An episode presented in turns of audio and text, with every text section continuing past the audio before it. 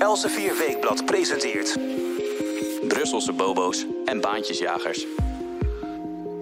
Na drie aanslagen in korte tijd in Frankrijk werd ook Oostenrijk afgelopen week getroffen door een islamitische terreuraanslag. Vier mensen werden door een IS-sympathisant gedood in de hoofdstad Wenen. Hoe gaat de Europese Unie hierop reageren? We bespreken het met Jelte Wiersma, onze correspondent in Brussel.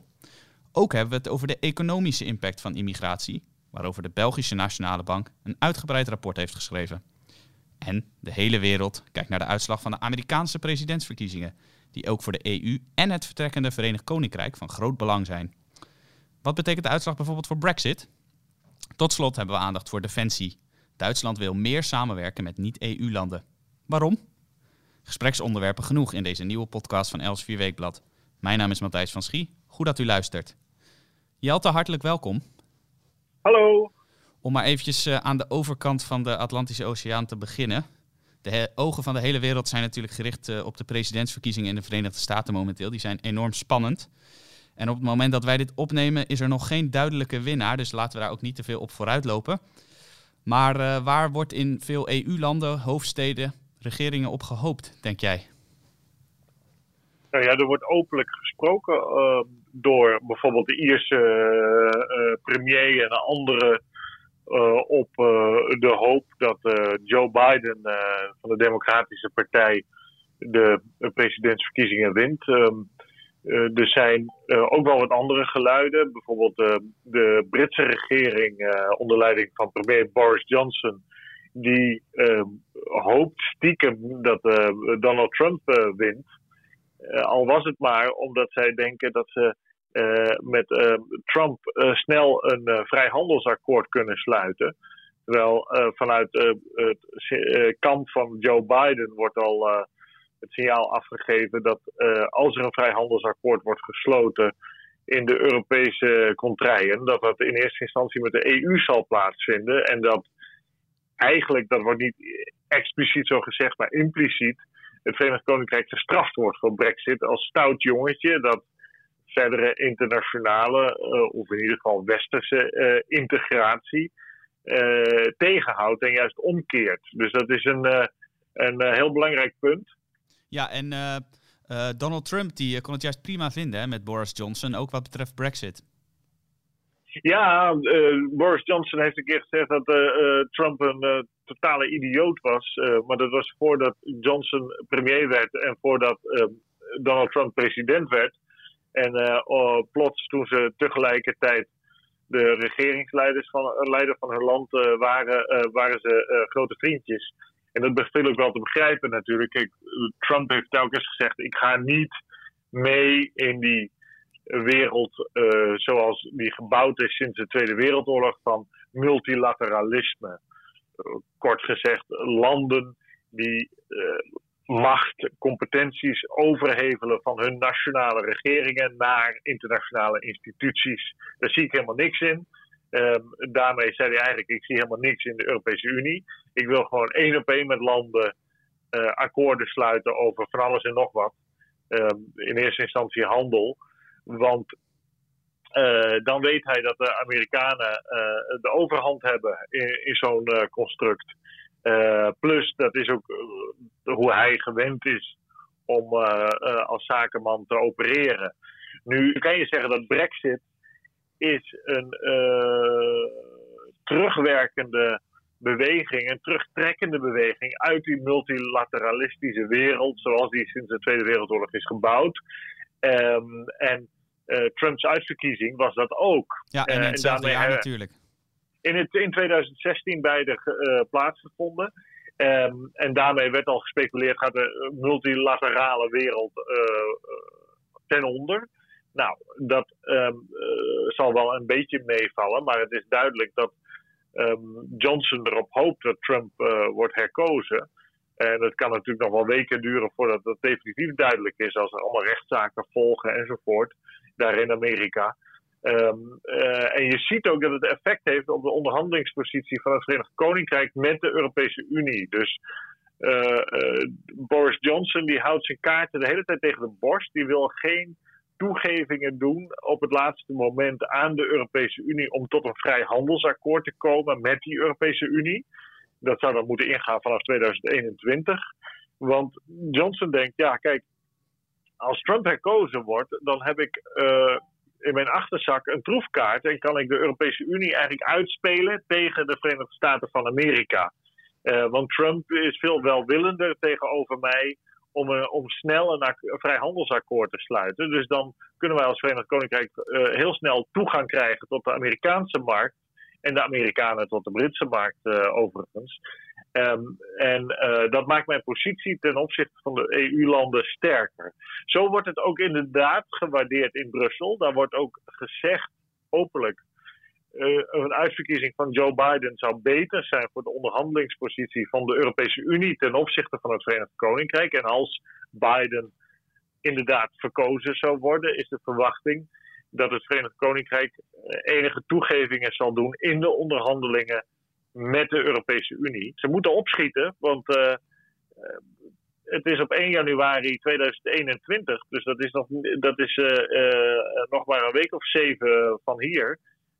is het gedaan met het handelsakkoord, het tijdelijke akkoord zoals dat nu bestaat tussen de EU en het Verenigd Koninkrijk. En als er geen akkoord komt, dan valt het Verenigd Koninkrijk buiten de EU-interne markt. En dan zullen er uh, allerlei importheffingen wederzijds op producten geheven gaan worden. En dat heeft zeker voor Nederland, een land dat heel veel exporteert naar het Verenigd Koninkrijk, zo ruim 40 miljard euro per jaar, een enorme impact.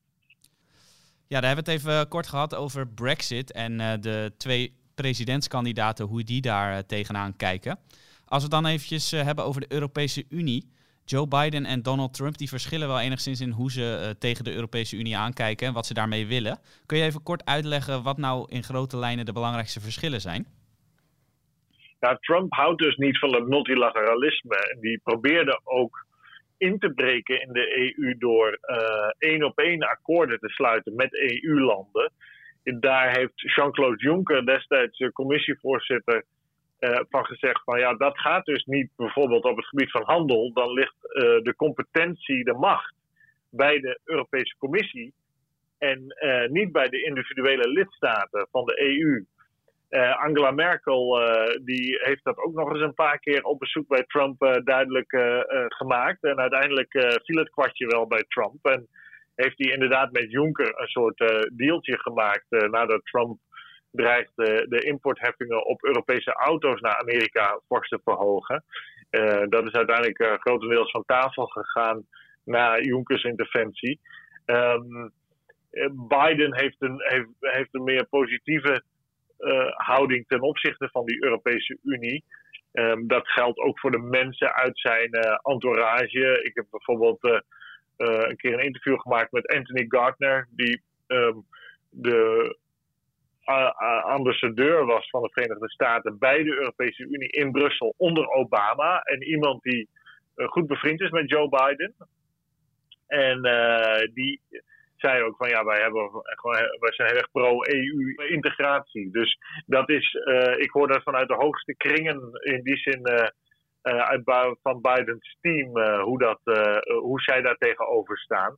En je kan er um, donder op zeggen dat bijvoorbeeld de, uh, het klimaatakkoord van Parijs, uh, wat voor de Europese Unie-landen een soort heilige icoon is geworden, dat dat door Amerika weer onderschreven zal worden.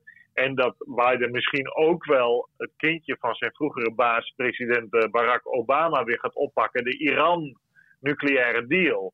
En dat is iets waar de meeste EU-landen waar vooral de belangrijkste drie, uh, Duitsland, Frankrijk en inmiddels niet meer EU-land, uh, het Verenigd Koninkrijk, heel erg voor zijn om die deal met Iran, om die te revitaliseren. En dat zou enorme uh, impact daar in het Midden-Oosten ook weer kunnen hebben. Dus ehm, in die zin staat er heel veel op het spel. Want zonder Amerika is bestaat die Iran-deal niet. en dat heeft Donald Trump ook laten zien door die Iran-deal op te blazen. Uh, en daarmee ging die ook meteen kapot. Uh, uh, dus ehm, de houding van Biden overigens ten opzichte van de EU-landen en in bredere zin de Europese landen wat betreft bijvoorbeeld de NAVO en de beperkte uitgaven in Europa aan de strijdkrachten is niet zoveel anders dan die van Trump overigens. Hè. Ehm, zijn voormalige baas, dus Barack Obama, die heeft ook al de hele tijd tegen de Europeanen gezegd: geef nou eens meer uit aan defensie. Want jullie zijn toch lid van de club die heet NAVO. En jullie hebben getekend voor een bepaalde uh, minimumuitgave aan defensie, 2% van je nationaal inkomen, dan moet je dat ook nakomen. Want uh, nu zijn wij het als Amerikanen die uh, eh, 70% van de NAVO-kosten effectief dragen. Ehm, dus dat kan niet. Dus daar verwacht ik niet zoveel verandering uh, in. Ik, ik, ben wel heel benieuwd of er een vrijhandelsakkoord gesloten zou kunnen worden tussen de Europese Unie en de Verenigde Staten van Amerika. Dat, dat zou mij persoonlijk heel lief zijn als dat gebeurt. Ik kocht een paar jaar geleden een, paar prachtige handschoenen van een bedrijf uit Amerika. Met wol uit uh, Ecuador, geloof ik. En het leer kwam uit Hongarije. De, en, de, en, maar samengesteld in de Verenigde Staten. En dan komt dat binnen uh, en dan moesten nog eens 120 euro, dat is echt waanzinnig, aan importheffingen worden betaald op een paar handschoenen, notabene. Ja, dat en dat is een product dus, dat is samengesteld uit notabene deels een product uit een EU-land, Hongarije. Dus dan denk je, dat is toch wel van een treurigheid. En in verhouding tot China is het natuurlijk heel goed als de Verenigde Staten en Europa elkaars economieën versterken. En dat gebeurt over het algemeen als je gaat, gaat handelen met elkaar uh, en één, één blok vormen. Uh, of dat in uh, Bidens handen beter zal zijn dan in Trumps handen dat zou zomaar kunnen, maar ook daar moet je wel een paar vraagtekens bij zetten. Want historisch zijn de Democraten daar ook altijd vrij sceptisch over geweest, over vrijhandel. Omdat de vakbonden binnen uh, die partij vaak een grote stem hadden. En die vakbonden wilden graag uh, de productie van. Uh, of in Amerika beschermen en geen concurrentie van uit andere werelddelen hebben. Dus daar moeten we maar afwachten. Maar ik, zou, dat zou mij zeer lief zijn als dat zou gebeuren. Um, want dat zou goed zijn voor Amerika en uh, voor Europa. En dan hoop ik dat Biden uh, uh, Verenigd Koninkrijk niet vergeet. maar we gaan het zien. Misschien komt er, als Biden gekozen wordt, kan er wel een roze wolkmoment ontstaan tussen Europa en Amerika. Waarbij het toch, je moet zeggen, Trump als een donderwolk altijd werd beschouwd. En dat je een soort uh, euforie krijgt. Uh, en dat uh, Europa en Amerika opeens elkaar in de handen vallen. Als dat gebeurt, dan zou ik daar wel erg blij mee zijn. ondanks dat ik absoluut niet zo negatief ben over Donald Trump. Helemaal niet, want die heeft natuurlijk een paar goede klappen gemaakt in de internationale politiek. maar goed, dat, dat hebben we eerder besproken. Ja, inderdaad, als u dat nou nog eens wilt terugluisteren of teruglezen, dat kan ook. Dan raad ik u aan de podcast van twee weken geleden nog eens te luisteren.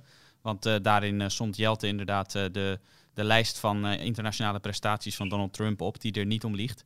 Maar goed, het is, het is spannend in Amerika. Wellicht als u dit luistert is het wel duidelijk geworden. dan kunt u dat uiteraard lezen op onze website ewmagazine.nl.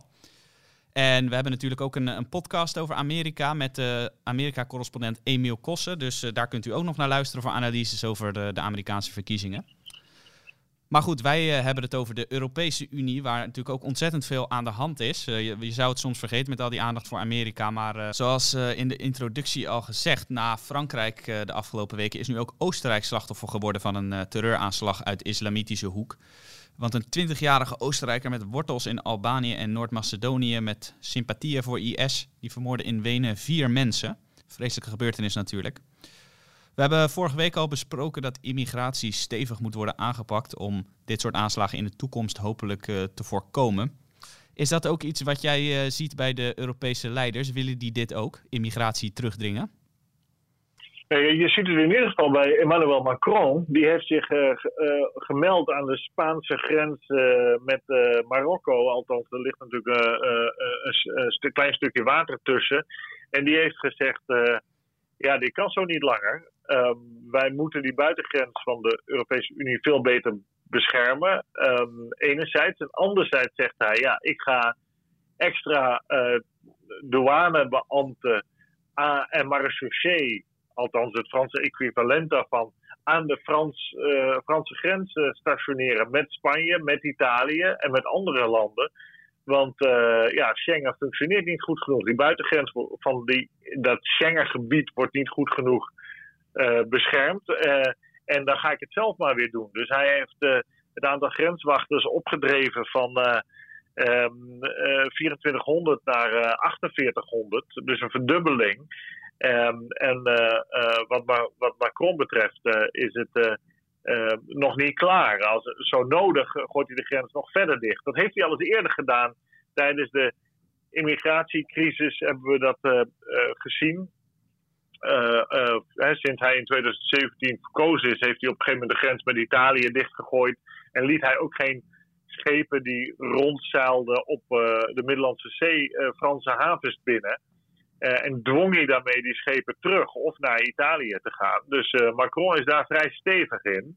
Um, en um, ja, we gaan um, zien hoe, hoe, dit nu verder gaat. Maar je ziet dat de hardheid in Europa aan het toenemen is. bij de Grieks-Turkse grens zie je dat er grote hekken staan, dat de Griekse grenspolitie daar ook hard ingrijpt als mensen binnen proberen te komen.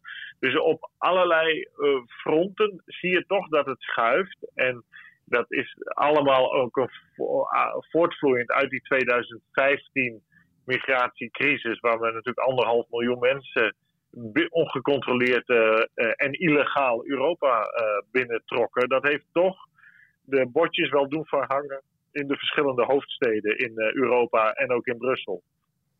Ja, heel boeiend om te zien inderdaad, die, die verschuivingen. Logisch ook wel gezien de verschrikkelijke gebeurtenissen. Nog even terug naar Macron, want het is natuurlijk heel opvallend. Hij wil eigenlijk het vrije reizen van Schengen aan banden leggen. Hij heeft gezegd, netwerken rond illegale immigratie worden vaak gelinkt aan islamitisch terrorisme.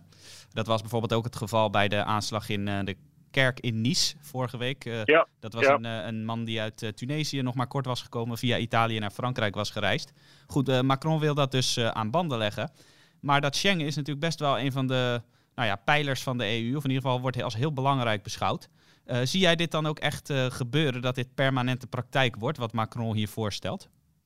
Ja, dat kan zomaar, maar ik weet het niet zeker. Maar Macron heeft ook wel eerder gezegd dit jaar in april dat uh, als Schengen eraan gaat, dat een van de pijlers onder de Europese Unie eraan gaat. Dus hij is ambivalent in die zin. We weten dat Schengen wel een beetje een gek ding is eigenlijk. Uh, het is als een soort verkiezingsstunt in de jaren tachtig is het bedacht. Kan je nauwelijks voorstellen. In Nederland, België en Luxemburg hadden al een, uh, een soort Schengen samen. Het vrij reizen in ieder geval. Dat bestond tussen de Benelux al. En um, Frankrijk en West-Duitsland die wilden in de jaren tachtig uh, uh, graag meer mensen trekken naar de Europese parlementsverkiezingen. Want daar was de opkomst nooit zo hoog voor. En toen hebben ze bedacht van nou laten we nou als verkiezingsstunt samen met de Benelux-landen het vrij reizen introduceren. Want dat maakt het ongetwijfeld populair, die, die EU. Want allemaal mensen die tussen Frankrijk en uh, West-Duitsland reisden destijds, die ergerden zich groen en geel aan die grenscontroles daar de tijd. En er waren, en het was een heel ingewikkeld systeem met groene stickers op je auto en zo. En in die Elsass-regio, bijvoorbeeld op de grens van Duitsland en Frankrijk, wordt is heel veel uh, internationaal verkeer tussen die twee landen. Mensen die familie hebben aan weerszijden van de grens, aan weerszijden van de grens werken. Dus. Um, zo is dat uiteindelijk, zo is die, dat systeem naar voren gekomen van dat Schengen. En dat was natuurlijk geen probleem, omdat het waren maar een aantal landen. Uh, en dat waren geen landen die aan de Middellandse Zee grensden, behalve dan Frankrijk een beetje. Uh, uh, maar Italië mocht bijvoorbeeld niet meedoen, want die werd niet vertrouwd door de andere vijf landen. Uh, notabene een EU-oprichter, Italië. En de, het ijzeren gordijn in het oosten blokkeerde daar natuurlijk alles. Het ijzeren gordijn van de Sovjet-Unie. Dus in die, in context kon dat wel. En er is heel vaak gezegd ook, uh, tijdens de immigratiecrisis van 2015 en daarna, misschien moet er maar een kleinere Schengen komen. Macron speelt ook wel met dat idee. Die, hij probeert de hele tijd druk te zetten op Italië en Spanje van uh, opereer nou scherper en hou mensen erbuiten. Uh, maar ja, we zien, dan zijn er weer verkiezingen of een regeringswisseling in Italië, waar sinds een jaar een PD vijf sterren regering is, Sociaaldemocraten en, en ja, wat zijn het? vijf sterren, die kunnen alle kanten op. Soort socialisten en rechtspopulisten in één. Alles bij, bij elkaar is dat. Maar die hebben juist weer een versoepeling doorgevoerd ten opzichte van immigranten. Uh, dus um, je ziet dat elk land blijft toch uiteindelijk opereren naar het eigen inzicht. En ik denk dat dat ook zo blijft. En ik heb wel eens geschreven in Elsevier van, ja, dit, dit, dit, uh, je kan nog wel de voorstellen van de Europese Commissie volgen en nog meer op EU-niveau gaan doen. En nog meer proberen één EU-grensbewaking op te zetten of iets dergelijks. Maar we weten in de praktijk dat dat toch wel erg lastig is om goed te laten functioneren. Ook omdat er gewoon verkiezingen zijn in landen en andere regeringen worden gekozen met andere voorkeuren. Als jij een meer linkse regering hebt die meer mensen wil binnenlaten in bijvoorbeeld Italië, ja, dan moet zo'n land die vrijheid ook hebben natuurlijk. Het probleem is wel, als zo'n land dat doet, dan kunnen die mensen zich ook gaan vestigen in Nederland of Frankrijk of elders uiteindelijk. En dat blijft dus een, dat blijft toch een heel groot uh, uh, pijnpunt. En in die zin uh, denk ik dat um, dat onoverkomelijk is um, op EU-vlak om daaruit te komen. Ze zullen nog wel een hele tijd aanmodderen, maar dat die grenzen zo open blijven tussen de landen. Ik, ik heb er een hard hoofd in of dat op lange termijn eerlijk gezegd houdbaar is. Ja, uh, onze collega Robert de Wit, die uh, schrijft veel over het buitenland, die heeft donderdag ook een, een commentaar op de website gepubliceerd waarin hij eigenlijk schrijft dat de gebeurtenissen van de laatste weken, zowel in Frankrijk als in Wenen, dat die er waarschijnlijk voor zullen zorgen dat de verdeling van, van asielzoekers in de Europese Unie, dat die alleen nog maar lastiger wordt. Want landen als Oostenrijk, Hongarije en Tsjechië, die, die hebben zich daar natuurlijk al langer tegen verzet, tegen het verdelen van migranten. En hij stelt eigenlijk nou, na deze aanslag, golf weer, is dat zo goed als onmogelijk geworden om dat er nu nog door te krijgen. Deel jij die analyse? Ja, zeker, zeker. Dat was het natuurlijk al. Ik ben vaak in Hongarije, Polen en dat soort landen geweest. En ja, je kan toch er veel van zeggen, maar de, de, een van de grootste synagogen van Europa staat in, in Budapest. En er was nauwelijks bewaking uh, nodig. Uh, en ja, daar zijn geen aanslagen in Oost-Europa. Dat is, dat is nou één keer zo. En dat is direct gelinkt aan de, het niet hebben van een, een grote islamitische minderheidsbevolking. En dat is een pijnlijk punt natuurlijk in het Westen. Ik heb er wel eens over geschreven dat het Oost-Europa is een permanente herinnering aan hoe Europa was, ook in het Westen. En um, dat daarom ook het enthousiasme in West-Europa zo groot is om ook van Oost-Europa een multiculturele samenleving te maken. Want anders blijft die herinnering maar in stand die, dat, um, dat het ook anders kan. Of ook anders had gekund en misschien wel anders had gemoeten. En dat is niet zo'n fraai beeld natuurlijk. dus Ehm, je ziet al dat Polen en Hongarije houden die verdeling tegen. Er komen wel elke keer voorstellen van ja, we moeten dan maar die landen wat laten betalen. Dus die, die moeten dan bijvoorbeeld wat geld betalen aan de EU of gekort worden op de EU-subsidies per immigrant. Wat, wat een bizar voorstel is natuurlijk. Want daarmee zeg je dus eigenlijk dat immigratie helemaal niet zo goed is. Want dat kost je sowieso al geld. Maar uh, die redeneertrand is nauwelijks te volgen. Maar zoals wel vaker, de werkelijkheid, als je daar zakelijk nuchter naar kijkt, ja, komt uiteindelijk wel zo dwingend en dringend binnen. Dat het sprookje van dat immigratie zo geweldig is en dat de multiculturele samenleving zo geweldig is, dat dat toch langzamerhand de vernieling in gaat onder, onder, onder gewoon de realiteit die we elke dag kunnen zien. En dat is uh, heel pijnlijk voor heel veel van onze bestuurlijke en culturele elites. Maar um, wie nu nog niet wakker is, zou ik zeggen, die heeft toch wel oogklep op. Ja, als die bestuurders eens uh, wat vaker uh, Elsevier Weekblad hadden gelezen de afgelopen jaren, dan, dan waren ze daar wellicht wat, wat sneller achter gekomen.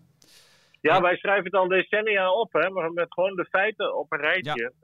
dat het niet zo heel verstandig is om grote groepen immigranten uit niet-westerse landen toe te laten, die een andere cultuur en werkethiek enzovoort met zich meebrengen.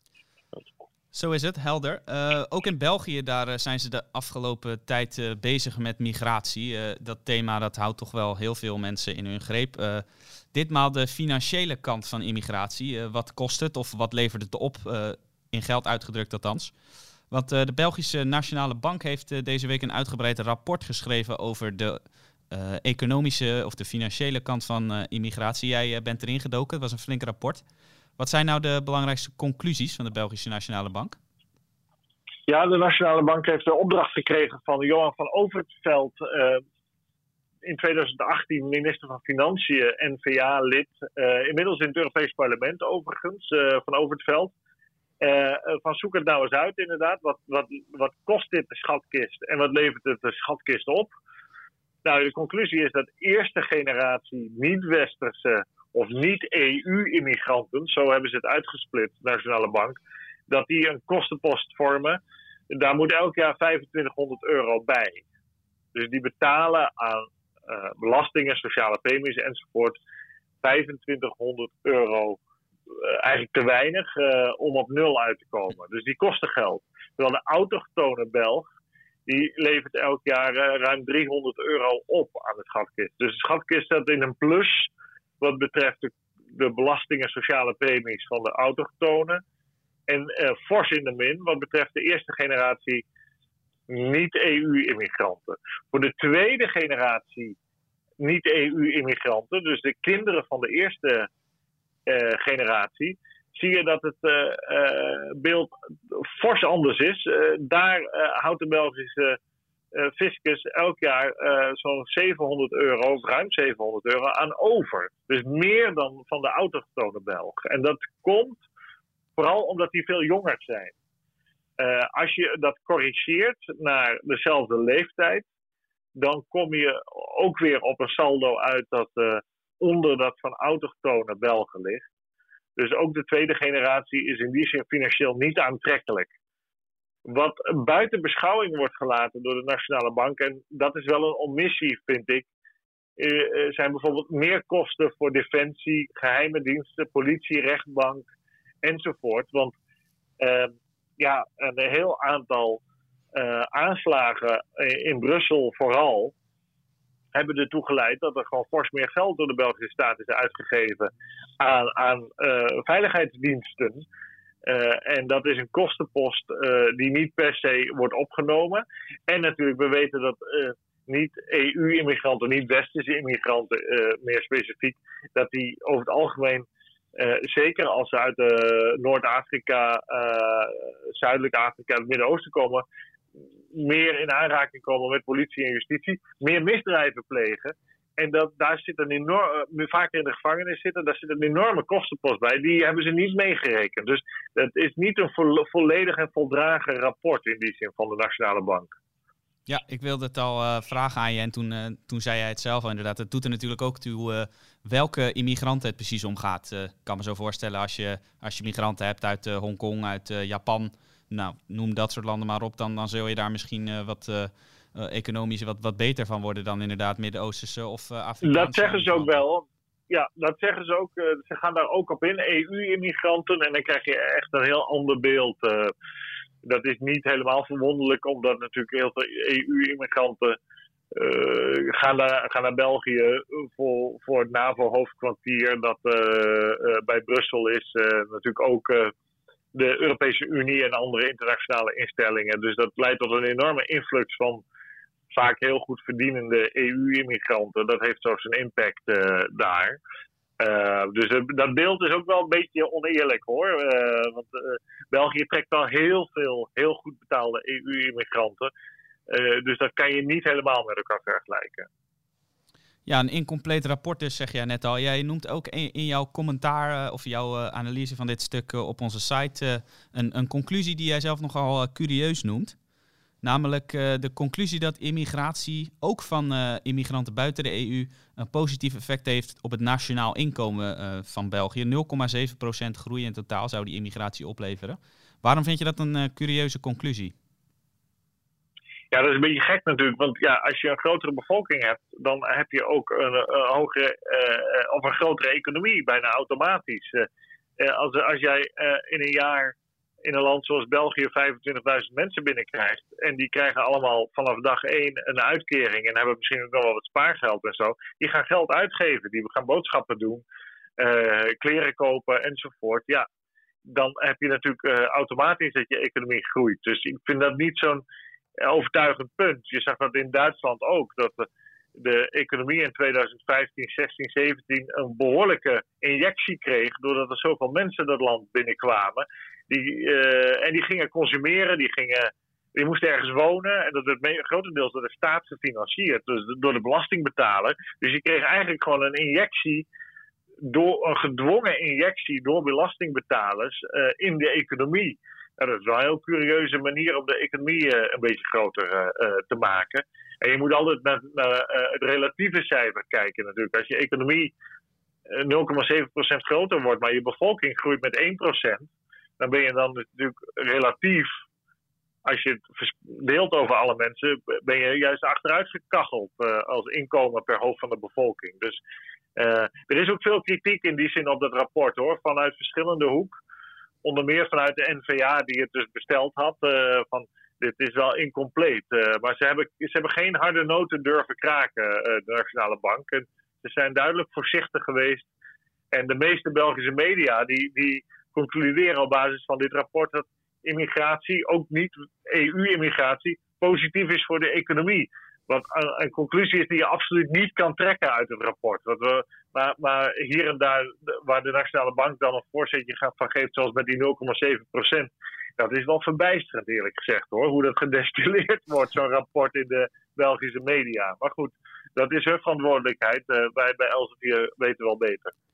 Precies, ja. Uh, dan hebben we het nu alleen, alleen, nog maar gehad over de, de economische impact van die immigratie. Want uh, ja, als we het over de, de, de, veiligheid en de sociale cohesie hebben, dan, uh, dan kun je natuurlijk nog meer vraagtekens plaatsen. Het is ook niet voor niets natuurlijk dat de NVA en Vlaams Belang de grootste partijen van België zijn. Jij zei al even, bij, bij Elsevier weten wij wel beter. Omdat wij al zo lang over immigratie schrijven, hebben we hier natuurlijk ook over gepubliceerd. Jij noemt dat ook nog in jouw artikel overigens te vinden in de beschrijving van deze podcast, dat, uh, dat wij zelf ook op een uh, bedrag zijn uitgekomen bij een berekening naar de kosten van uh, immigratie. Kun je daar wat, wat over zeggen? Ja, collega Sibinia natuurlijk heeft dat in 2009 uitgerekend. En die, die zei vanaf de jaren 70 is er ongeveer 200 miljard euro uitgegeven aan niet-westerse immigratie. En dan moet je voorstellen dat de gasbel in, van Groningen had op dat moment ongeveer 250 miljard opgeleverd. Dus je kan ongeveer zeggen dat de hele gasbel in Groningen is, is uitgegeven aan het financieren van immigranten uit niet-westerse culturen. En dan vooral uit Noord-Afrika, Turkije en andere delen van die wereld. En ja, dat is toch wel heel tragisch. Uh, en ja, NIFER uh, heeft, een onderzoeksinstituut heeft ooit op uh, verzoek, of een jaar later op verzoek van de PVV een onderzoek gedaan. En die kwam op 7,2 miljard aan kosten per jaar. Um, ja, dat gaat dan simpelweg om uitkeringen, gezondheidszorg, maar um, en dan natuurlijk misdaad, wat wel, wel is meegenomen, onveiligheid, uitgaven aan veiligheidsdiensten enzovoort. Dus uh, ja, dat, het is, en voor het land van ontvangst, uh, dat is Nederland, in de, uh, maar ook België en andere landen, is het economisch heel onwijs om niet opgeleide mensen binnen te laten. Uh, het enige waarom je het zou doen, is als uh, en zeggen van nou wij gaan mensen die uit de landen komen waar het economisch uh, minder is en ook waar, qua veiligheid en vrijheid gaan wij een veiliger, vrijer en economisch aantrekkelijker plek bieden. Maar, dat, maar voor jezelf als land moet je het absoluut niet doen, want het is alleen maar nadelig, niet-westerse immigratie. Helder. Uh, tot slot, Jelte, uh, we eindigen misschien een beetje waar we het uh, in het begin ook over hadden, namelijk defensie. We hadden het uitgebreid over de kijk van de twee Amerikaanse presidentskandidaten op de NAVO. En ook de Europese Unie werkt samen, of althans de Europese Unie landen werken samen op het gebied van defensie, ondanks dat de EU natuurlijk geen eigen leger heeft. Ehm, er verscheen afgelopen week ook weer een, een evaluatie, als, ik me, als ik het goed zeg, over defensiebeleid van de EU-landen. Uh, wat doen ze en welke kant willen ze nou op? Nou, wat er verschenen is, is wel een goed punt. Uh, uh, is van Finland gekomen.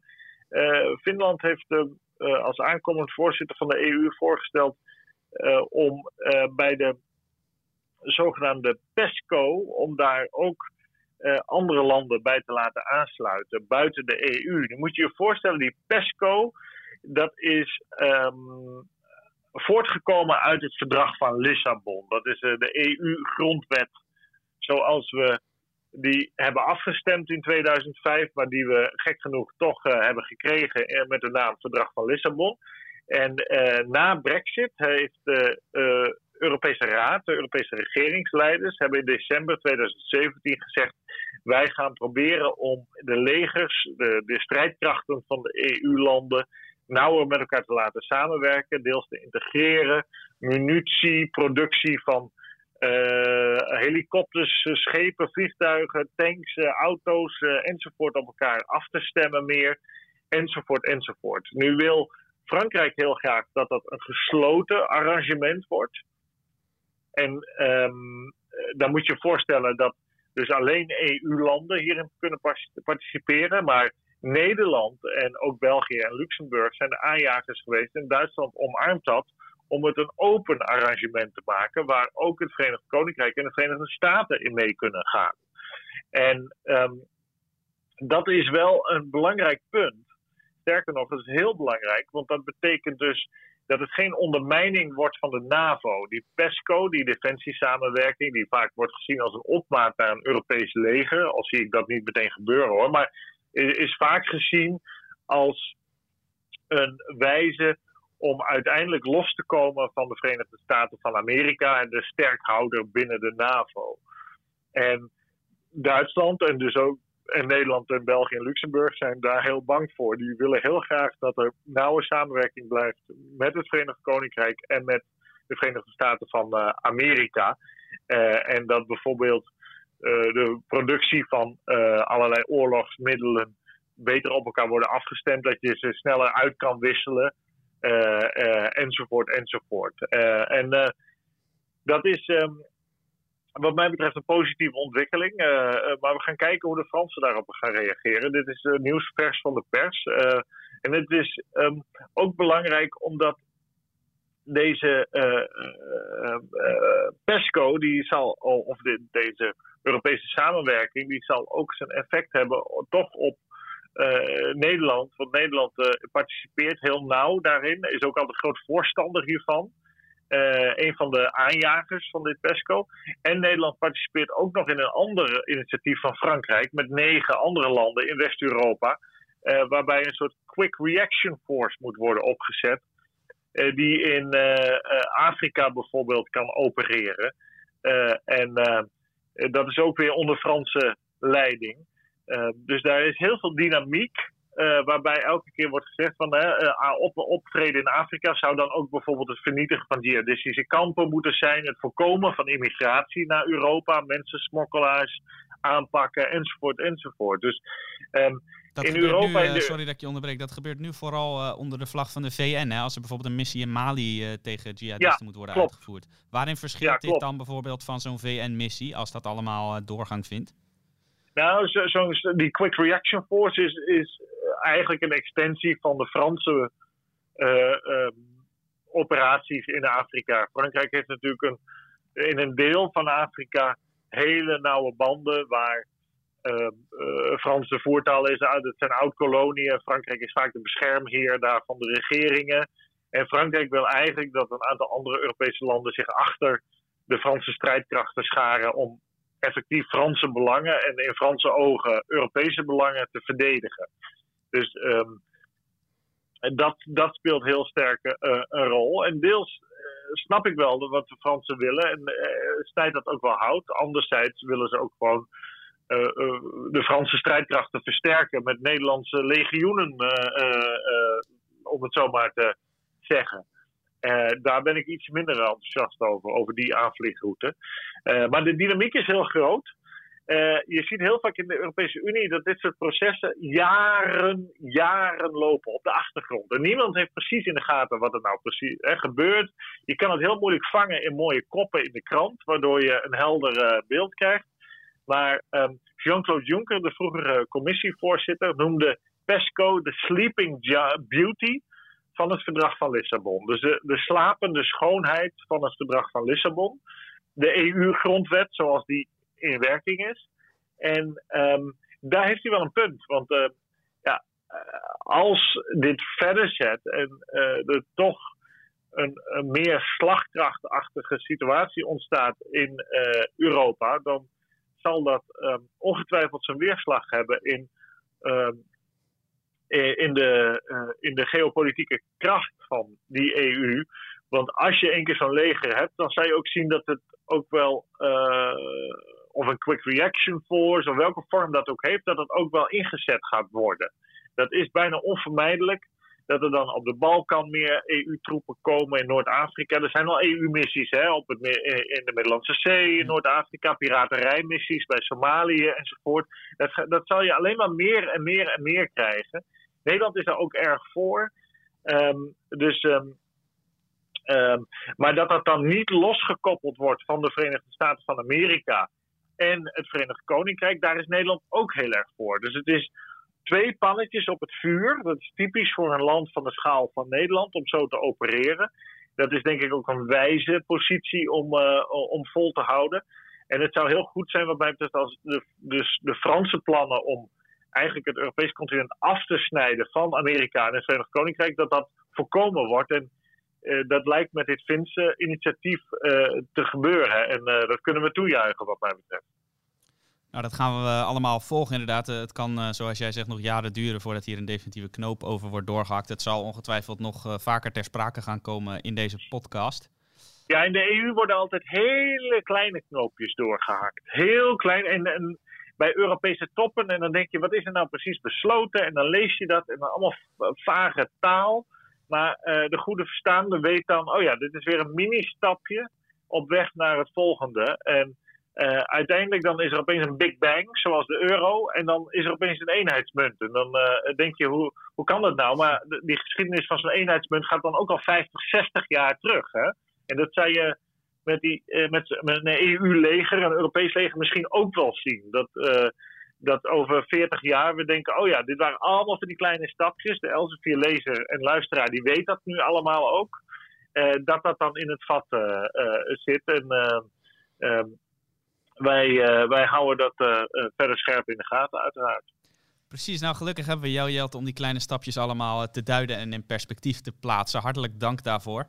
Hartelijk dank ook voor deze podcast weer, want we, we zijn aan het einde gekomen. We gaan natuurlijk de komende dagen met spanning volgen hoe het in Amerika hoe het in Amerika uiteindelijk allemaal afloopt. En dan zult u uiteraard ook bij ons kunnen lezen en horen wat voor impact dat dan mogelijk gaat hebben op de Europese Unie.